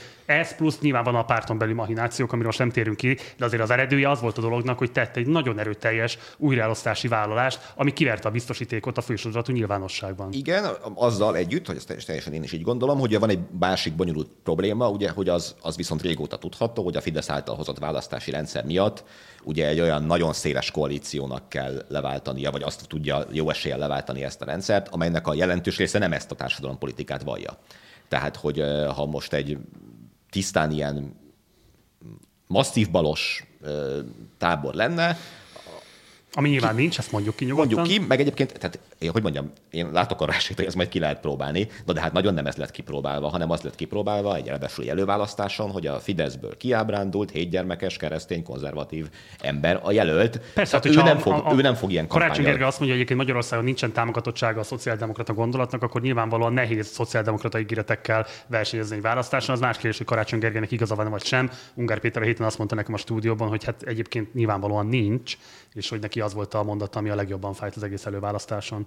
Hát minden esetre most egyik oldal sem mondhatja azt, hogy megszorítana. Most már végig kell csinálni április harmadikáig ezt a menetet, és aztán aki kormányra kerül, az, annak valamilyen kommunikációs trükkel ki kell ebből jönni. Orbán Viktornak lesz ebben könnyebb helyzete, mert mutogathat majd a háborúra. Miért Márkizai Péter is mutogathat? Hát, Meg arra is mutogathat, ott, hogy nem látta, hogy mik a számok az államháztartást tekintve. Én erősebbnek érzem az Orbán, Orbáni érvet, pláne az ő harcias szavazó táborát tekintve. Egyébként pedig azt se felejtsük el, hogy normális hétköznapi ügymenetben egy demokráciában a, a programalkotásnak és a, tár, a tárgyalásoknak, a, a, egy koalíciónak a részfekvői érdekének az egyeztetésének a választás után jön el az ideje, hiszen különböző pártok szerepelnek, és akkor a választási matematika alapján egyes pártok többséget alkotnak. Tehát azon se lepődnék meg, hogy ott is még lennének módosítások. A háborúról kevésé beszéltünk, nem tudom, hogy van-e bennetek bármi, amit szívesen megosztanátok a nyilvánossággal az elmúlt egy hét eseményeit illetően. Hát egy konkrétabb kérdés felteszel akkor. Ennél konkrétabb kérdésre nem készültem. Dani esetleg? Hát nehéz, az ember kicsit meg is csömörlik tőle. Nyilván borzalmas dolgok voltak a héten, tehát hogy uh, ugye ez a gyerekkorház bombázása úgy, hogy persze szóval, hogy kicsit ugye elidegeníti az embert nyilván, hogyha a nap, nem tudom, 12 órájában ezzel foglalkozik így a hírek szintjén, szóval, hogy így inkább kicsit nekem az a nehéz ezekben a napokban, hogy nem tudom, hogy hogyan nem csömörlik bele az ember abba, hogy, hogy folyamatosan ezt nézi, és hogy hogyan tudja ezt, nem tudom, visszaadni, hogy, hogy ne egy ilyen... Szóval megszokjuk, mindent megszokunk, és hogy, hogy Hát, hogy olyan nem normalizálódik. Igen, igen. igen, Hogyan igen. mered meg a botrány jelleg. Igen, Már azt- azt... botrány nem olyan értelemben, hogy szenzáció, hanem hogy így, mint amit tényleg őszintén velőből Igen, és ez a harmadik hete a háborúnak azért, és hogy, hogy lehet, hogy lesz neki hatodik hete is, és, és szóval látszik az embereken is egyébként, hogy, hogy azért nem olvassák már annyira a háborús híreket, pedig nem lett jobb a helyzet, vagy ilyesmi, hanem ugye van egy ilyen sok hatás, nyilván továbbra is a legolvasottabb, meg legfontosabb téma itt nálunk is, de hogy azt látod, hogy az egész nem tudom, nyilvánosság, vagy az emberek úgy picit hozzászoknak, ami hát tök, tök nehéz dolog, mert nyilván tényleg mindenhez hozzá lehet szokni, de hogy kicsit nekem ez a hét erről szólt, és mikor beszélgettünk, akkor én azt is gondoltam, hogy igen, hogy a múlt héten szinte csak a háborúról beszélgettünk, és most kevesebbet fogunk, de hogy, de hogy tulajdonképpen én is mi újat tudnék mondani a múlt héthez. Nekem az dermesztő leginkább, hogy, hogy felépülnek és megerősödnek a párhuzamos valóságok. Tehát, hogy mind a két oldalnak a, a narratívája az, az egyre stabilabban áll. Akik ö, őrült módon orosz pártiak, azok be tudják illeszteni ö, megtámogatva a mögöttük álló médiának a, a sortüzével a, az ő gondolataik közé a pozitív oldalra be tudják tenni azt, hogy lebombázták azt a, azt a gyermekkórházat, mert hát Istenem, hát van ilyen, ahol, ahol fátvágnak, ott hullik a, a forgács, és a másik oldalnak is, aminek nyilván mi is vagyunk a, a szószólói, hogy azért ez mégiscsak egy agresszió, egy, egy országnak és egy nép, népnek a leigaz, leigázásának a kísérlete, az is teljesen kompakt, és a kettő szép lassan, miképpen egyébként a magyar politikában a, az ellenzék és a- az ellenzék, nem Fideszes és a Fideszes oldalnak a kommunikáció elválik egymástól, és középen meg van egy, van egy, egy üres tér, és azt látja az ember, hogy a kettőnek semmi köze egymáshoz. Szerintem az a legnehezebb, hogy tényleg hogyan lehet elkerülni egyrészt a szenzációhajhászatot, másrészt meg tényleg ennek az ilyen normalizálását, tehát hogy így megszokássá várjon.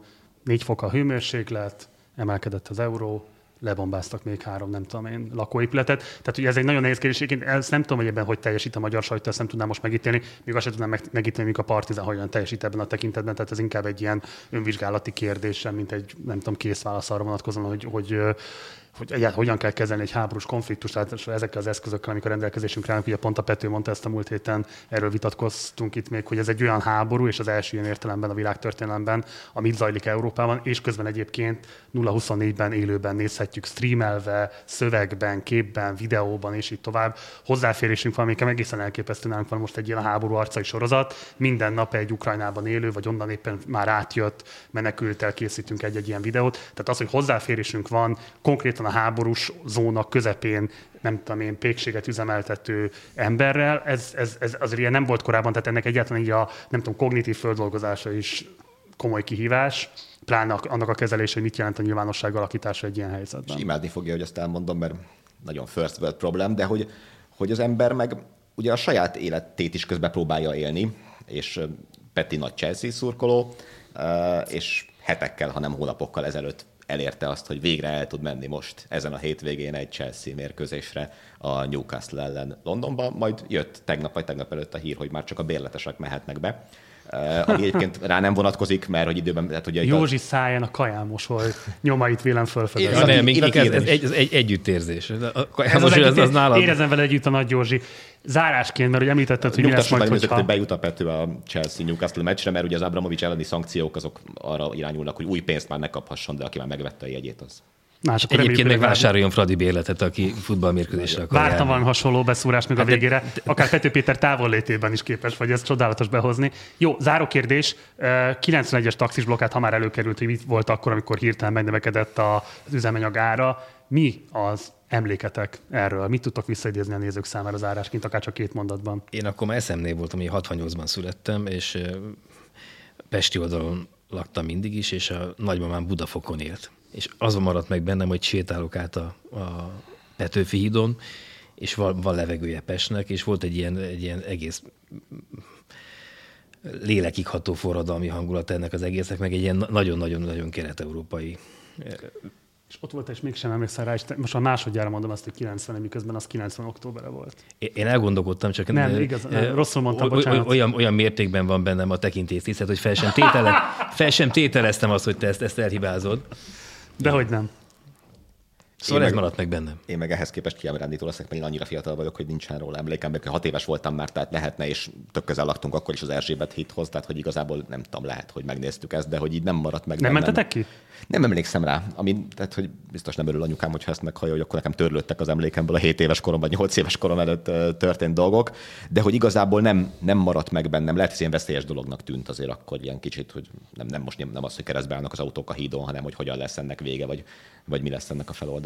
De hát mindenképpen drámai volt, ugye, hogy ott, ott, ott mentán talán végleg, nem akarok nagy szavakat használni, tönkre az a mi rendszerváltásunkat lett elfuserálva. Azt gondolod tényleg? Hát ott, ott aztán végképp. Tehát ugye az, hogy nem, hogy nem lehet konszenzussal hadni, hogy elfogadta a két oldal, ez a, a, a világháború előttről ez a népnemzeti versus urbánus, vit, urbánus vita előjött, és akkor előjöttek a kacagányosok a naftalin szagú zakójukban, vagy micsodájukban, a sújtásokkal, meg ki előjöttek a liberálisok, és akkor valahol a háttérben még... Ugye De te emlékszel erre, hogy egyébként ennyire átpolitizált dolog volt ez, vagy csak azzá lett téve? Abszolút az, az, az, volt, igen. És ugye én... Tehát nem az volt, hogy akkor drága lett a benzin, pedig nem ezt mondtátok, hogy az lesz, tehát hogy az de ugye politika rögtön ott volt mögött. Egyébként az, az a tizen, tizen, tizen, politikai kérdésnek tekinteni, persze. 12 forint a, most az én fülem is szólja szó rá valaki, 12 forinttal ment föl, tehát 48-ról 60-ra, vagy 36-ról hát 48 nőtt a üzemanyagára, azért igen, ez egy jelentős igen. emelés. És ugye ott annyi pozitívuma volt, hogy megláttuk, hogy a politika képes arra, hogy korrigáljon és visszavegyen a korábbi álláspontjából. Már ugye visszahozták a benzinárakat, az más kérdés, hogy néhány hónapon belül pedig apránként fölemelték. Ebből nyilván rengeteget tanult a politika is, hogy nem lehet nagy sokkal lépni, hanem apránként kell az embernek ezt az egészet. Nekem az, az fájt, utólag is beszél meg ilyen kampányok idején, négy évente ilyen típusú riportokat, meg visszaemlékezéseket készítve, és visszanézve a régi, régi kampányfelvételeket is, meg tévéhíradós, meg egyéb reklámokat is, hogy, hogy, hogy lehetett volna, azt hiszem, hogy lehet, hogy naiv vagyok, lehetett volna ezt úgy is, hogy, hogy nem egymásnak feszülve, és nem egyéni érdekeket nézve, és nem, nem rögtön előhúzni ezt a, ezt a régi vitát, hanem valahogy, valahogy együtt húzni valamerre ezt az országot. De hát volt egyszer egy kövér interjú, nem tudom, tíz évvel ezelőtt, és a, beszélgettünk, vagy négy órája már, már majdnem éjfél volt a kövér, nagyon, nagyon belelendült, és mondtam... Azért ez nem most volt akkor. Nem, tíz, tíz évet szerintem. Én akkor nagyon megkedveltem a kövért. 2011 adott neked egy négy órás interjút? Uh, Jóskának volt... négy óránál rövidebb interjút szintén nem nagyon lehet adni. Jó, hát ugye egyszer volt egy másfél, és az végén meg mondta, ő mondta, hogy folytassuk, de éveken keresztül jártam, hogy akár, hogy beszélgessünk, és nagyon-nagyon jó beszélgetés volt, hogy parlamenti ülés után maradtam ott, és ezt, a, ezt pörgettem, ezt a kérdést, ezt vittem, ugye időm az volt. Vittem, vittem vissza ezt a kérdést, hogy de miért, miért kellett egymás torkának esni, miért nem lehetett ezt jobban csinálni? Csak a kövér, csak nem haragszik rám, akkor... Nem olyan. Nem olyan, nem olyan, akkor a, a, a, tizedik visszakérdezésemre azt mondta, hogy ült, és azt mondta, hogy ezt elbasztuk. Az interjúban az úgy jelent meg, ezt, el, ezt elfusseráltuk. Hogy nem el lett ez baszva, bocsánat, ezt mondta. És, és a, e, ez, ez, ez a, nekem a taxis blokkádból ez a legkomolyabb tanulság, hogy el lett ez baszva. Érdekes nagyon, mert egyébként nekem ilyen, nem tudom, tök fura demokratikus élményként van meg a dolog. Azzal egyébként családilag nagyon elítélőek fogalmaztak mindig a taxis blokkádról, de utólag, amikor én ebbe így belástam magamat, meg én nem tudom megnézni a felvételeket, stb. Én azt láttam, hogy itt van egy, van egy kvázi népfölkelés, most ezt nem akarom túl fogalmazni, de hogy mégiscsak arról van szó, hogy valamilyen módon, hogy nem pártállami keretek között, nem lehet az érdekeket képviselni. Nekünk az az érdekünk, hogy ne legyen magasabb a benzin, a kormány meg hirtelen néz, hogy hát vannak itt ellenérdekek, hogy megjelennek vele szemben. Szerintem ez egy, ez egy demokrácia gyakorlat volt. Az más kérdés, hogy hova konkludált és mi lett belőle, de szerintem ez egy olyan dolog volt, ami nagyon kellett ahhoz, hogy demokratikusabb karakter legyen a, a rendszerváltozásnak. Ma nem látom azért magam mellett, hogy a taxisok nagy szolidaritást váltanának ki, valahogy nem lett azóta a kedvenc társadalmi csoportja az embereknek. Még azt akartam Mondj egyet, ami kedvenc társadalmi csoportja a magyar lakosság. Nem könnyű, még azt gondoltam elmesélem, hogy viszont... Mi biztos nem tartozunk bele, azt azért kimondhatjuk. Ezt, ezt, ezt ne. De akkor se egyébként, akkor is akkor komoly, komoly, komoly volt azért komoly indulatok feszültek a taxisokkal szembe, hogy mi a anyádért állsz, állsz itt, miért, miért nem engedsz? Hát nem járt a hatós villamos, nem, nem tudtál átadni a városon, azért ez... Urak, ez El volt. akart mesélni valamit. El akartam mesélni valamit, bocsánat, el akartam mesélni, hogy egy nagyon, nekem, és hogy ez meg kicsit az mennyire el lett baszva dolgot mennyire jól megmutatja, hogy én viszont egy másik Erzsébet híd lezárásra emlékszem nagyon erősen, mert 2002. július 1-én kezdtem el gyakornokként dolgozni a 168 szorában, és nem tudom. Ki első... volt a főnökön? Akkor még a Buják Attila, de utána egy évvel később te és második napon, de július 4-én futottam bele abba, akkor viszont mentem, át, mentem volna át az Erzsébet hídon, hogy a Budaházi Györgyék lezárják, eh, és ugye az a 2002-es újraszámolás, és hogy ott, na ott mennyi minden lett végképp teljesen tehát szétszabdalva abban a kampányban és abban a, azokban a hetekben, meg hónapokban. És az, az viszont egy ilyen nagyon kitörölhetetlen dologként marad bennem. Nyilván akkor nem 8 éves voltam, hanem 18, azért az jelentős különbség, de, de ez erről most jutott. Hát meg a taxisok, meg a budázi között is jelentős különbség volt mondjuk a, a motivációkat illetően. Ezeket a motivációkat ebben a beszélgetésben már nem fogjuk taglalni, de lehet, hogy másik beszélgetésben majd igen. Bita Dániel, Nagy József, köszönöm szépen, hogy itt voltatok köszönöm. velem. Ez volt most a három harmad plusz, remélhetőleg jövő héttől a plusz is megjelenik már a létszámot tekintve. Um, nagyon fontos, hogy nem csak nézni tudjátok a három harmad plusz, hanem hallgatni is. Innen is köszöntjük egyébként a podcast hallgatóinkat. Nézni ugyanis a Partizán YouTube csatornáján tudjátok, hallgatni pedig a 24.hu podcast platformjain, úgyhogy szombat reggeltől kereshetitek azokon a platformokon is ennek az adásnak a hangformáját. Jövő héten, pénteken este 6 órakor jelentkezünk majd. Munkatársaim nevében köszönöm szépen a megtisztelő figyelmeteket. Én Gulyás Márton voltam. Jó éjszakát, ciao.